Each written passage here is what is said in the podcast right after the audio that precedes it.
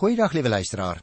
Ons het verlede keer met my met mekaar gesels daarvan 1 Korinte 12 van die 12de vers af waar die apostel die beeld gebruik om te sê die gemeente is eintlik soos 'n liggaam, want 'n liggaam uh, is net een liggaam maar het verskillende ledemate. En toe het hy gesê net soos 'n gemeente, eintlik een gemeente met verskillende ledemate of lidmate in kerklike terme nou, maar as een van daardie ledemate nie sy funksie sou vervul nie, dan bly die liggaam en dan bly die gemeente dus eintlik onaktief.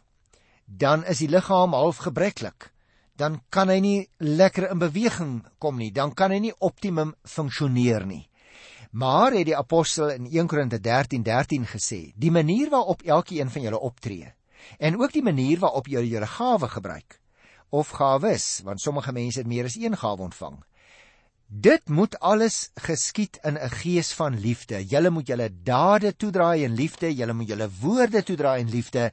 Anders bou julle nie die gemeente nie, maar dan breek julle eintlik die gemeente af. Dan kom daar skeuring, dan kom daar partyskappe. En nou wy hy 'n hele hoofstuk eintlik hier in 1 Korinte 14 aan die gawe om die boodskap van God te verkondig. En luisteraars, ek gaan 'n uh, eh, redelik oorsigtelik oor hierdie gedeelte met jou gesels, want hier kom baie verskillende aspekte na vore.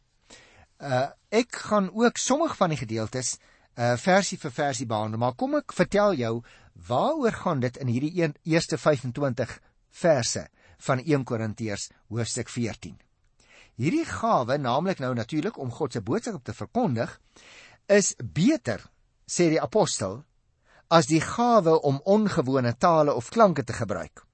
Met ander woorde, op grond van wat Paulus oor die liefde gesê het, verlede keer het ek dit behandel, Hosea 13, verwag hy dat die gemeente by die beoefening van die geestesgawes die liefde die leidende beginsel moet maak. Met ander woorde, so ek jou nou nog gesê het in my eie woorde ook, 'n mens moet dit al jou dade en al jou woorde moet jy toedraai in die liefde. Die liefde moet die verpakking wees van alles wat jy persoonlik doen en ook die manier waarop jy die boodskap oordra aan 'n ander persoon. Al is dit net in 'n persoonlike gesprek. Die gemeente is dikwels geneig, liewe luisteraars, om eensaidig te groot waarde te heg aan die gawe om ongewone tale of klanke te gebruik. Paulus wil nou hierdie oorbeklemtoning wat ook nog in ons tyd steeds in sommige kringe voorkom, hy wil hierdie oorbeklemtoning regstel deur veral ook die betekenis van die gawe om die boodskap van God te verkondig vir die gemeente op die voorgrond te stel. Nou is die vraag: Wat is die gebruik van ongewone tale of klanke?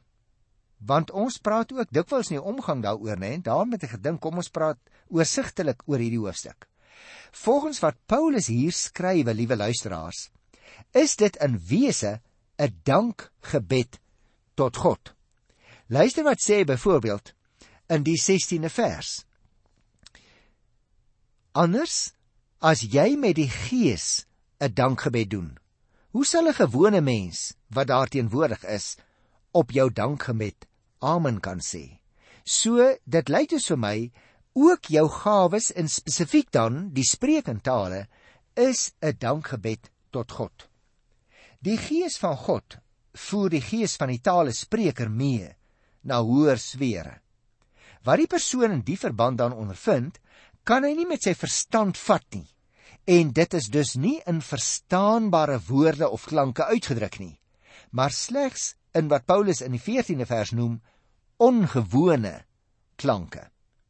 Met ander woorde, dit het nie 'n bepaalde sinskonstruksie byvoorbeeld nie wanneer 'n mens 'n ontleding maak en dit is al soms gedoen van die spreek in tale of wat ons soms noem in die omgangstaal glossolalie. Dit is 'n tongespraak as jy die woord glossa kom van die tong, uh, glossolalie direk vertaal dan sou ons kon praat van tongespraak. Met ander woorde, daar is nie 'n bepaalde sinskonstruksie in nie. Dit is uh klanke wat op 'n vrye manier, ongestruktureerd dus uitkom. Nou so 'n persoon spreek dus geheimenisse tot God, sê die apostel. As hy nie die gawe het om dit te verklaar nie, begryp niemand dit nie. En dan het dit ook geen waarde vir die opbou van die gemeente nie. Dit sê duidelik in die 3de vers. Iemand wat profeteer, rig hom tot mense en praat woorde wat geestelik opbou en bemoedig en vertroos. Persoonlik word hierdie persoon wel daardeur opgebou, maar dit raak die gemeente nie, omdat hy nie tot die gemeente spreek nie. Daarom moet die gawe nie in die byeenkoms van die gemeente beoefen word nie, tensy die ongewone tale of klanke verklaar word. Luister bietjie na vers 4 en 5. Die een wat ongewone tale of klanke gebruik, bou net homself op. Maar die een wat profeteer, bou die gemeente op. Ek sou graag wil hê dat julle almal ongewone taal of klank gebruik, maar nog liewer dat julle profeteer. Die een wat profeteer is van groter betekenis as die een wat ongewone tale of klanke gebruik, tensy hy dit ook uitlê. Luister nou, sodat die gemeente daardeur opgebou kan word. Daarom sê die apostel, die plek vir die beoefening van ongewone tale. Die plek is nie in die erediens nie, want niemand gaan dit verstaan nie tensy iemand dit kan uitlê. Met ander woorde, laat ek dit nog 'n keer andersom sê. In belang van die gemeente verkies Paulus dus dat die lidmate veel liewer die gawe om God se boodskap te verkondig moet beoefen.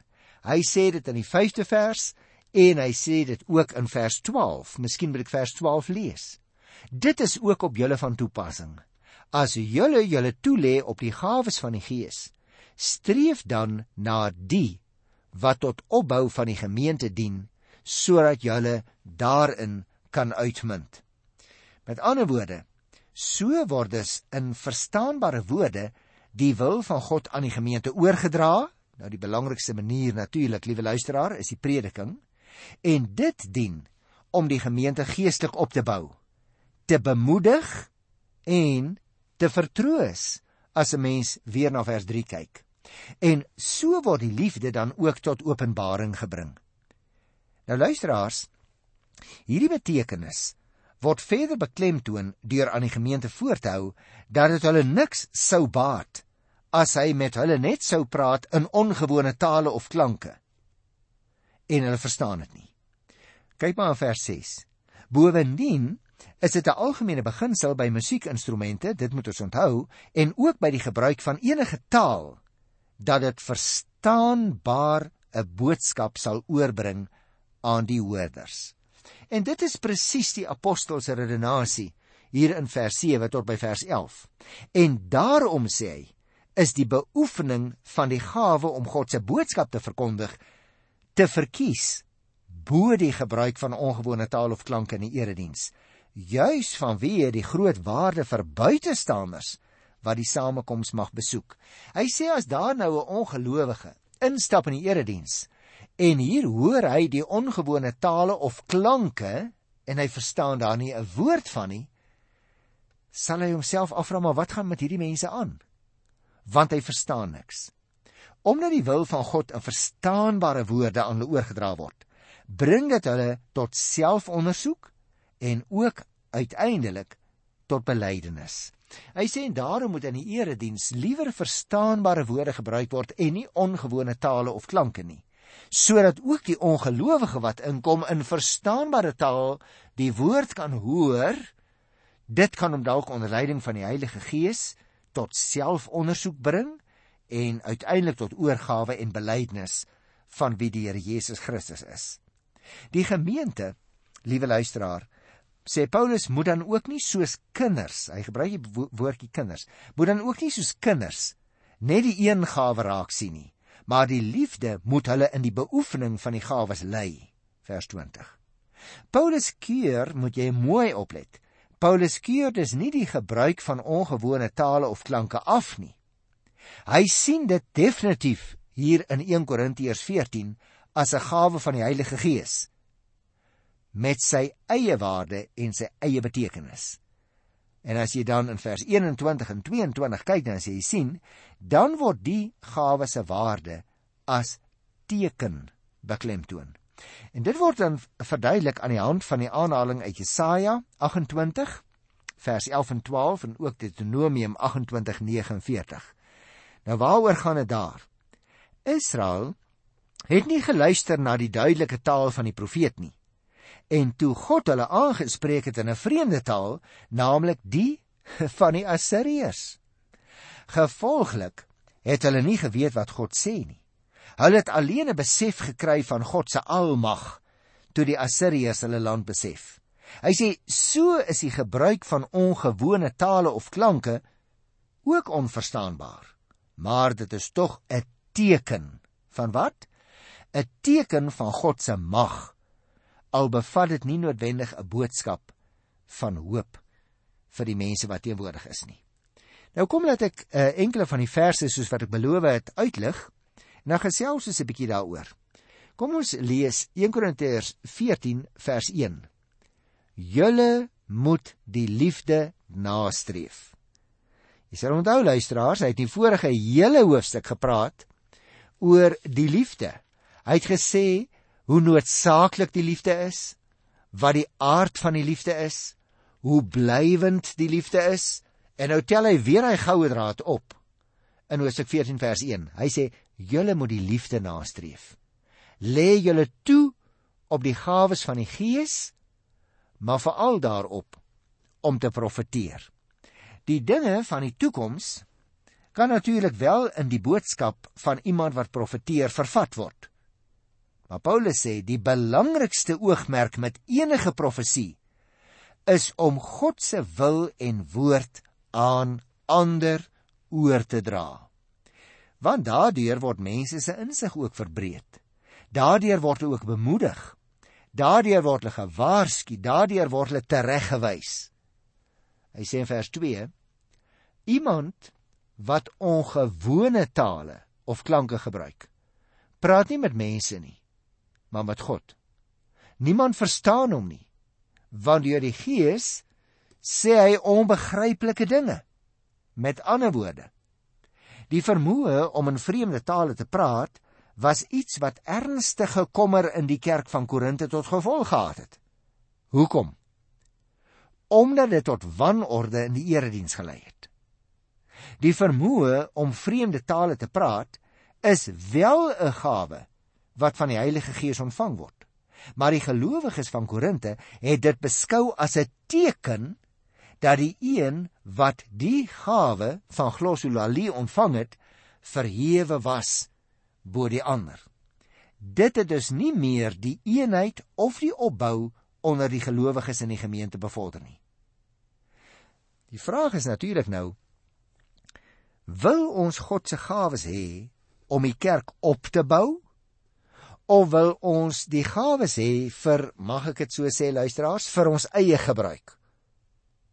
want jy sien die apostel het hier nou net vir ons gesê dat die liefde die mees saambinnende en dienende gawe behoort te wees. Anders is dit niks werd nie. Sy beswaar dus in die tweede vers teen glossolalie in die byeenkoms van die gemeente is dat die spreker hom nie tot mense rig nie maar tot God Hy sê die klanke wat so 'n persoon uitspreek, val wel op die ore, maar dit bly onverstaanbaar. Dit sê niks en dit dra geen verstaanbare gedagte oor nie. Dit is wel tot God gerig, soos hy hier uiteensit van vers 13 tot by vers 17. Dit kan dus wel dien as 'n vorm van gebed en danksegging, maar van die spreker alleen, want die ander verstaan dit nie. Die gemeente deel nie daarin nie, omdat niemand iets verstaan nie, aangesien hy deur die Gees verborgenhede spreek. Het die ou vertaling nog gesê as jy dit daar sou lees. Daarteenoor sê die apostel nou in vers 3. Iemand wat profeteer, rig hom tot mense. Praat woorde wat geestelik opbou en bemoedig en vertroos. Met ander woorde, teenoor die onverstaanbare klanke en geluide van die glossolalie is hy wat profeteer. Hy rig hom in verstaanbare taal tot die mense ten einde aan hulle opbouing en bemoediging en vertroosting mee te deel. Dit wat hulle nodig het. Die woordjie uh, wat hy hier gebruik uh wat ons soms ook vertaal met stigting, dit is tot stigting, het in ons Afrikaanse taal die betekenis gekry van 'n streeling van die godsdienstige gemoed. Daarom lyk dit my moet dit liewer vertaal word met opbou soos dit hier in die 1983 vertaling geskrywe staan. Dit is trouens ook die letterlike betekenis van die grondteks. Paulus beywer hom met ander woorde vir die opbou van die gemeente wat soos 'n tempel van die Heilige Gees moet verrys. En daarom dien die profesie in 'n besondere mate daartoe, want die verstaanbare woorde wat deur die prediking of die profesie kom, bou die mense hoe langer hoe meer geestelik op dit maak die gemeente sterk. Met ander woorde, die karakter van die profesie word hier nader aangedui deur drie begrippe wat hy gebruik: opbouing, vertroosting, bemoediging. Dis al drie woordjies wat hier in die derde versie voorkom. Dus is die profesie daardie vorm van verkondiging waardeur die evangelie van Christus aktueel toegepas word op die vraagstukke en die lewe van die gemeente. En ek herinner my, liewe luisteraar, ek kan nou nie die program onthou nie, wat 'n program dit was nie, maar ek onthou dat ek reeds vir jou uitgewys het dat die verkondiging van die woord waar daar 'n toepassing gemaak word op die gebeure van die dag 'n baie baie belangrike aspek is van prediking en nie alle predikers het noodwendig daardie gawe ontvang nie. Iemand wat dus wanneer hy of sy aan die woord kom in die gemeente in 'n sekere sin die mense in verademing laat, nie vanweë die welsprekendheid van hierdie persoon nie, maar omdat hulle op onder die indruk daarvan kom wat nou gesê word, ervaar ons as direk komend uit die hart van die Here want dit interpreteer dit verklaar vir ons die gebeure van ons dag. En dit vind 'n mens nogal nie so dikwels nie. En ek dink u kan dit regtig vir u leraar of vir die pastoor toebid dat hy of sy van tyd tot tyd 'n duidelike perspektief sal kry op sê nou maar die gebeure in die land of die gebeure in die kerk in die gemeente of die gebeure in die wêreld om 'n Bybelse perspektief daarop te laat klink sodat mense kan verstaan wat is eintlik besig om te gebeur in ons gemeente of in ons land of in ons kerk. Want ek dink liewe luisteraar daar is 'n geweldige behoefte daaraan. As ek dus na die 21ste vers kyk dan sou ek dit baie graag uh, spesifiek wil uitlig. Daar staan in die wet staan daar geskrywe dat die Here sê: Deur ander taaliges en deur die mond van vreemde mense sal ek met hierdie volk praat. En selfs dan sal hulle na my nie luister nie. Nou dit is natuurlik woorde, liewe luisteraar, wat kom uit Jesaja 28 vers 11 en vers 12. Hy haal dit aan om te verduidelik dat die volk se besef van God se mag in daardie tyd by die mense vergeete geraak het. Hulle het gedink ons is so belangrik en ons behoort aan die Here en ons glo in God en hy sal ons beskerm. Ons kan maar lewe net soos ons wil. Nou as jy daardie gedeelte gaan lees dan in Jesaja 28, dan sal jy sien dat hy sê daar gaan ander mense, anderstaliges, vreemde mense, 'n ander volk wat 'n taal praat wat julle nie verstaan nie, oor julle laat kom. Hoekom?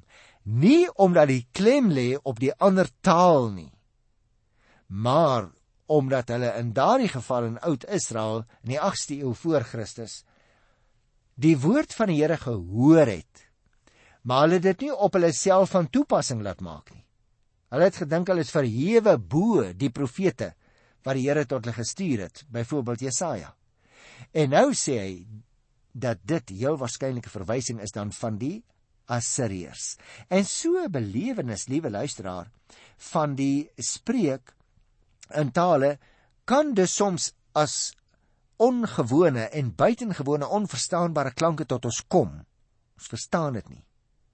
Maar dit kan soms ook, soos in die geval van Oud-Israel, gebeur het dat dit die onverstaanbare taal en klanke van die Assiriërs was. Dit was wel 'n verstaanbare taal vir die Assiriërs, maar die Jode het dit nie verstaan nie.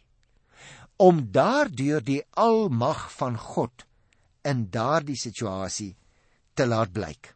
En daarom is dit fisies belangrik dat jy en ek na hierdie dinge sal oplet. Ons maak soms, verskoon as ek dit sê, met te veel sekerheid uitsprake oor goed wat ons self nie heeltemal verstaan nie.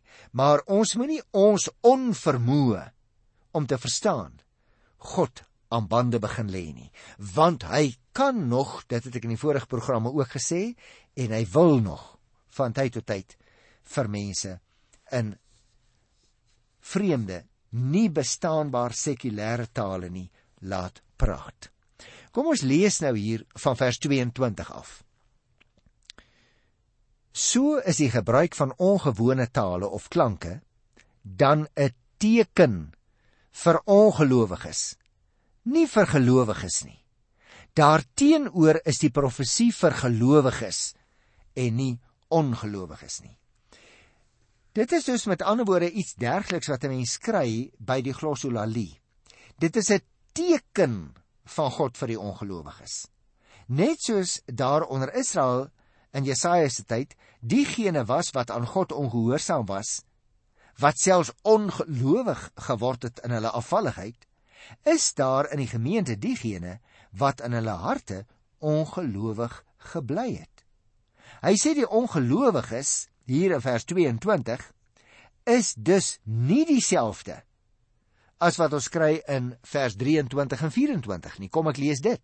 Hy sê: As die hele gemeente dan bymekaar is en almal gebruik ongewone tale of klanke en dan kom buitestanders of ongelowiges binne, sal hulle nie sê julle is van julle verstand af nie. Daarteenoor, as almal profeteer en dan kom 'n ongelowige of 'n buitestander binne, dan word hy deur almal in sy gewete aangespreek en kom hy tot selfondersoek. Dit is dus vir ons baie duidelik, liewe luisteraar. Die apostel bring hierdie ve verdere oorweging of beginsel in berekening. Hy wil dat die gedrag van die gemeente by sy samekomste sodanig moet wees dat dit die buitestander aanlok en hom nie afstoot nie. Met ander woorde, die gemeente moet steeds rekening hou met die nie-Christene omdat ons altyd as gemeente 'n missionêre taak het, selfs wanneer hy nie daarvan bewus is nie. Miskien was daai woord missionêr nou te groot. Dit beteken, liewe luisteraar, dat jy en ek as individue en ons as gemeente gesamentlik het 'n missionêre taak. Met ander woorde, ons is as 'n ware op 'n missie vir God in hierdie wêreld. Wat is daardie missie? om Jesus Christus as die enigste verlosser bekend te stel. En as ons begin optree en ons voortdurend met ongewone tale, glossolalie by name tongespraak, sou wou besig hou, dan sal die ongelowige en die buitestander dit nie verstaan nie. En dan kan ons die boodskap van die Here Jesus nie na hom of haar oorkry nie. Daarom sê Paulus dat die ongewone tale eintlik 'n teken is. Maar in die erediens behoort dit eintlik nie beoefen te word nie, want daar verstaan mense nie wat besig is om te gebeur nie. Luister na vers 25, want dit is waarmee ek ook wil afsluit vir vandag. Hy sê: "Die verborgde dinge van sy hart kom aan die lig." En so kom hy daartoe om op sy knieë te val, God te aanbid en openlik te getuig: "Waarlik, God is hier by julle. Hy sê dus baie duidelik vir ons: die spreekentaal is nie verkeerd nie. Maar die plek daarvan is eintlik nie in die erediens nie.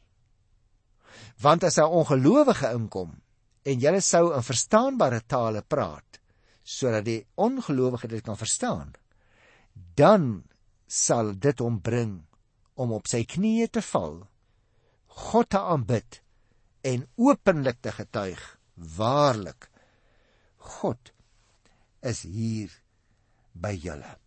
Mag ek dit saamvat en daarmee wil ek dan afsluit. Wanneer almal wat daartoe die gawe ontvang het, profeteer, Wel nie te gelyk nie, maar met beurte, soos mense sien vers 27 tot 31, is die uitwerking op die buitestander heeltemal anders.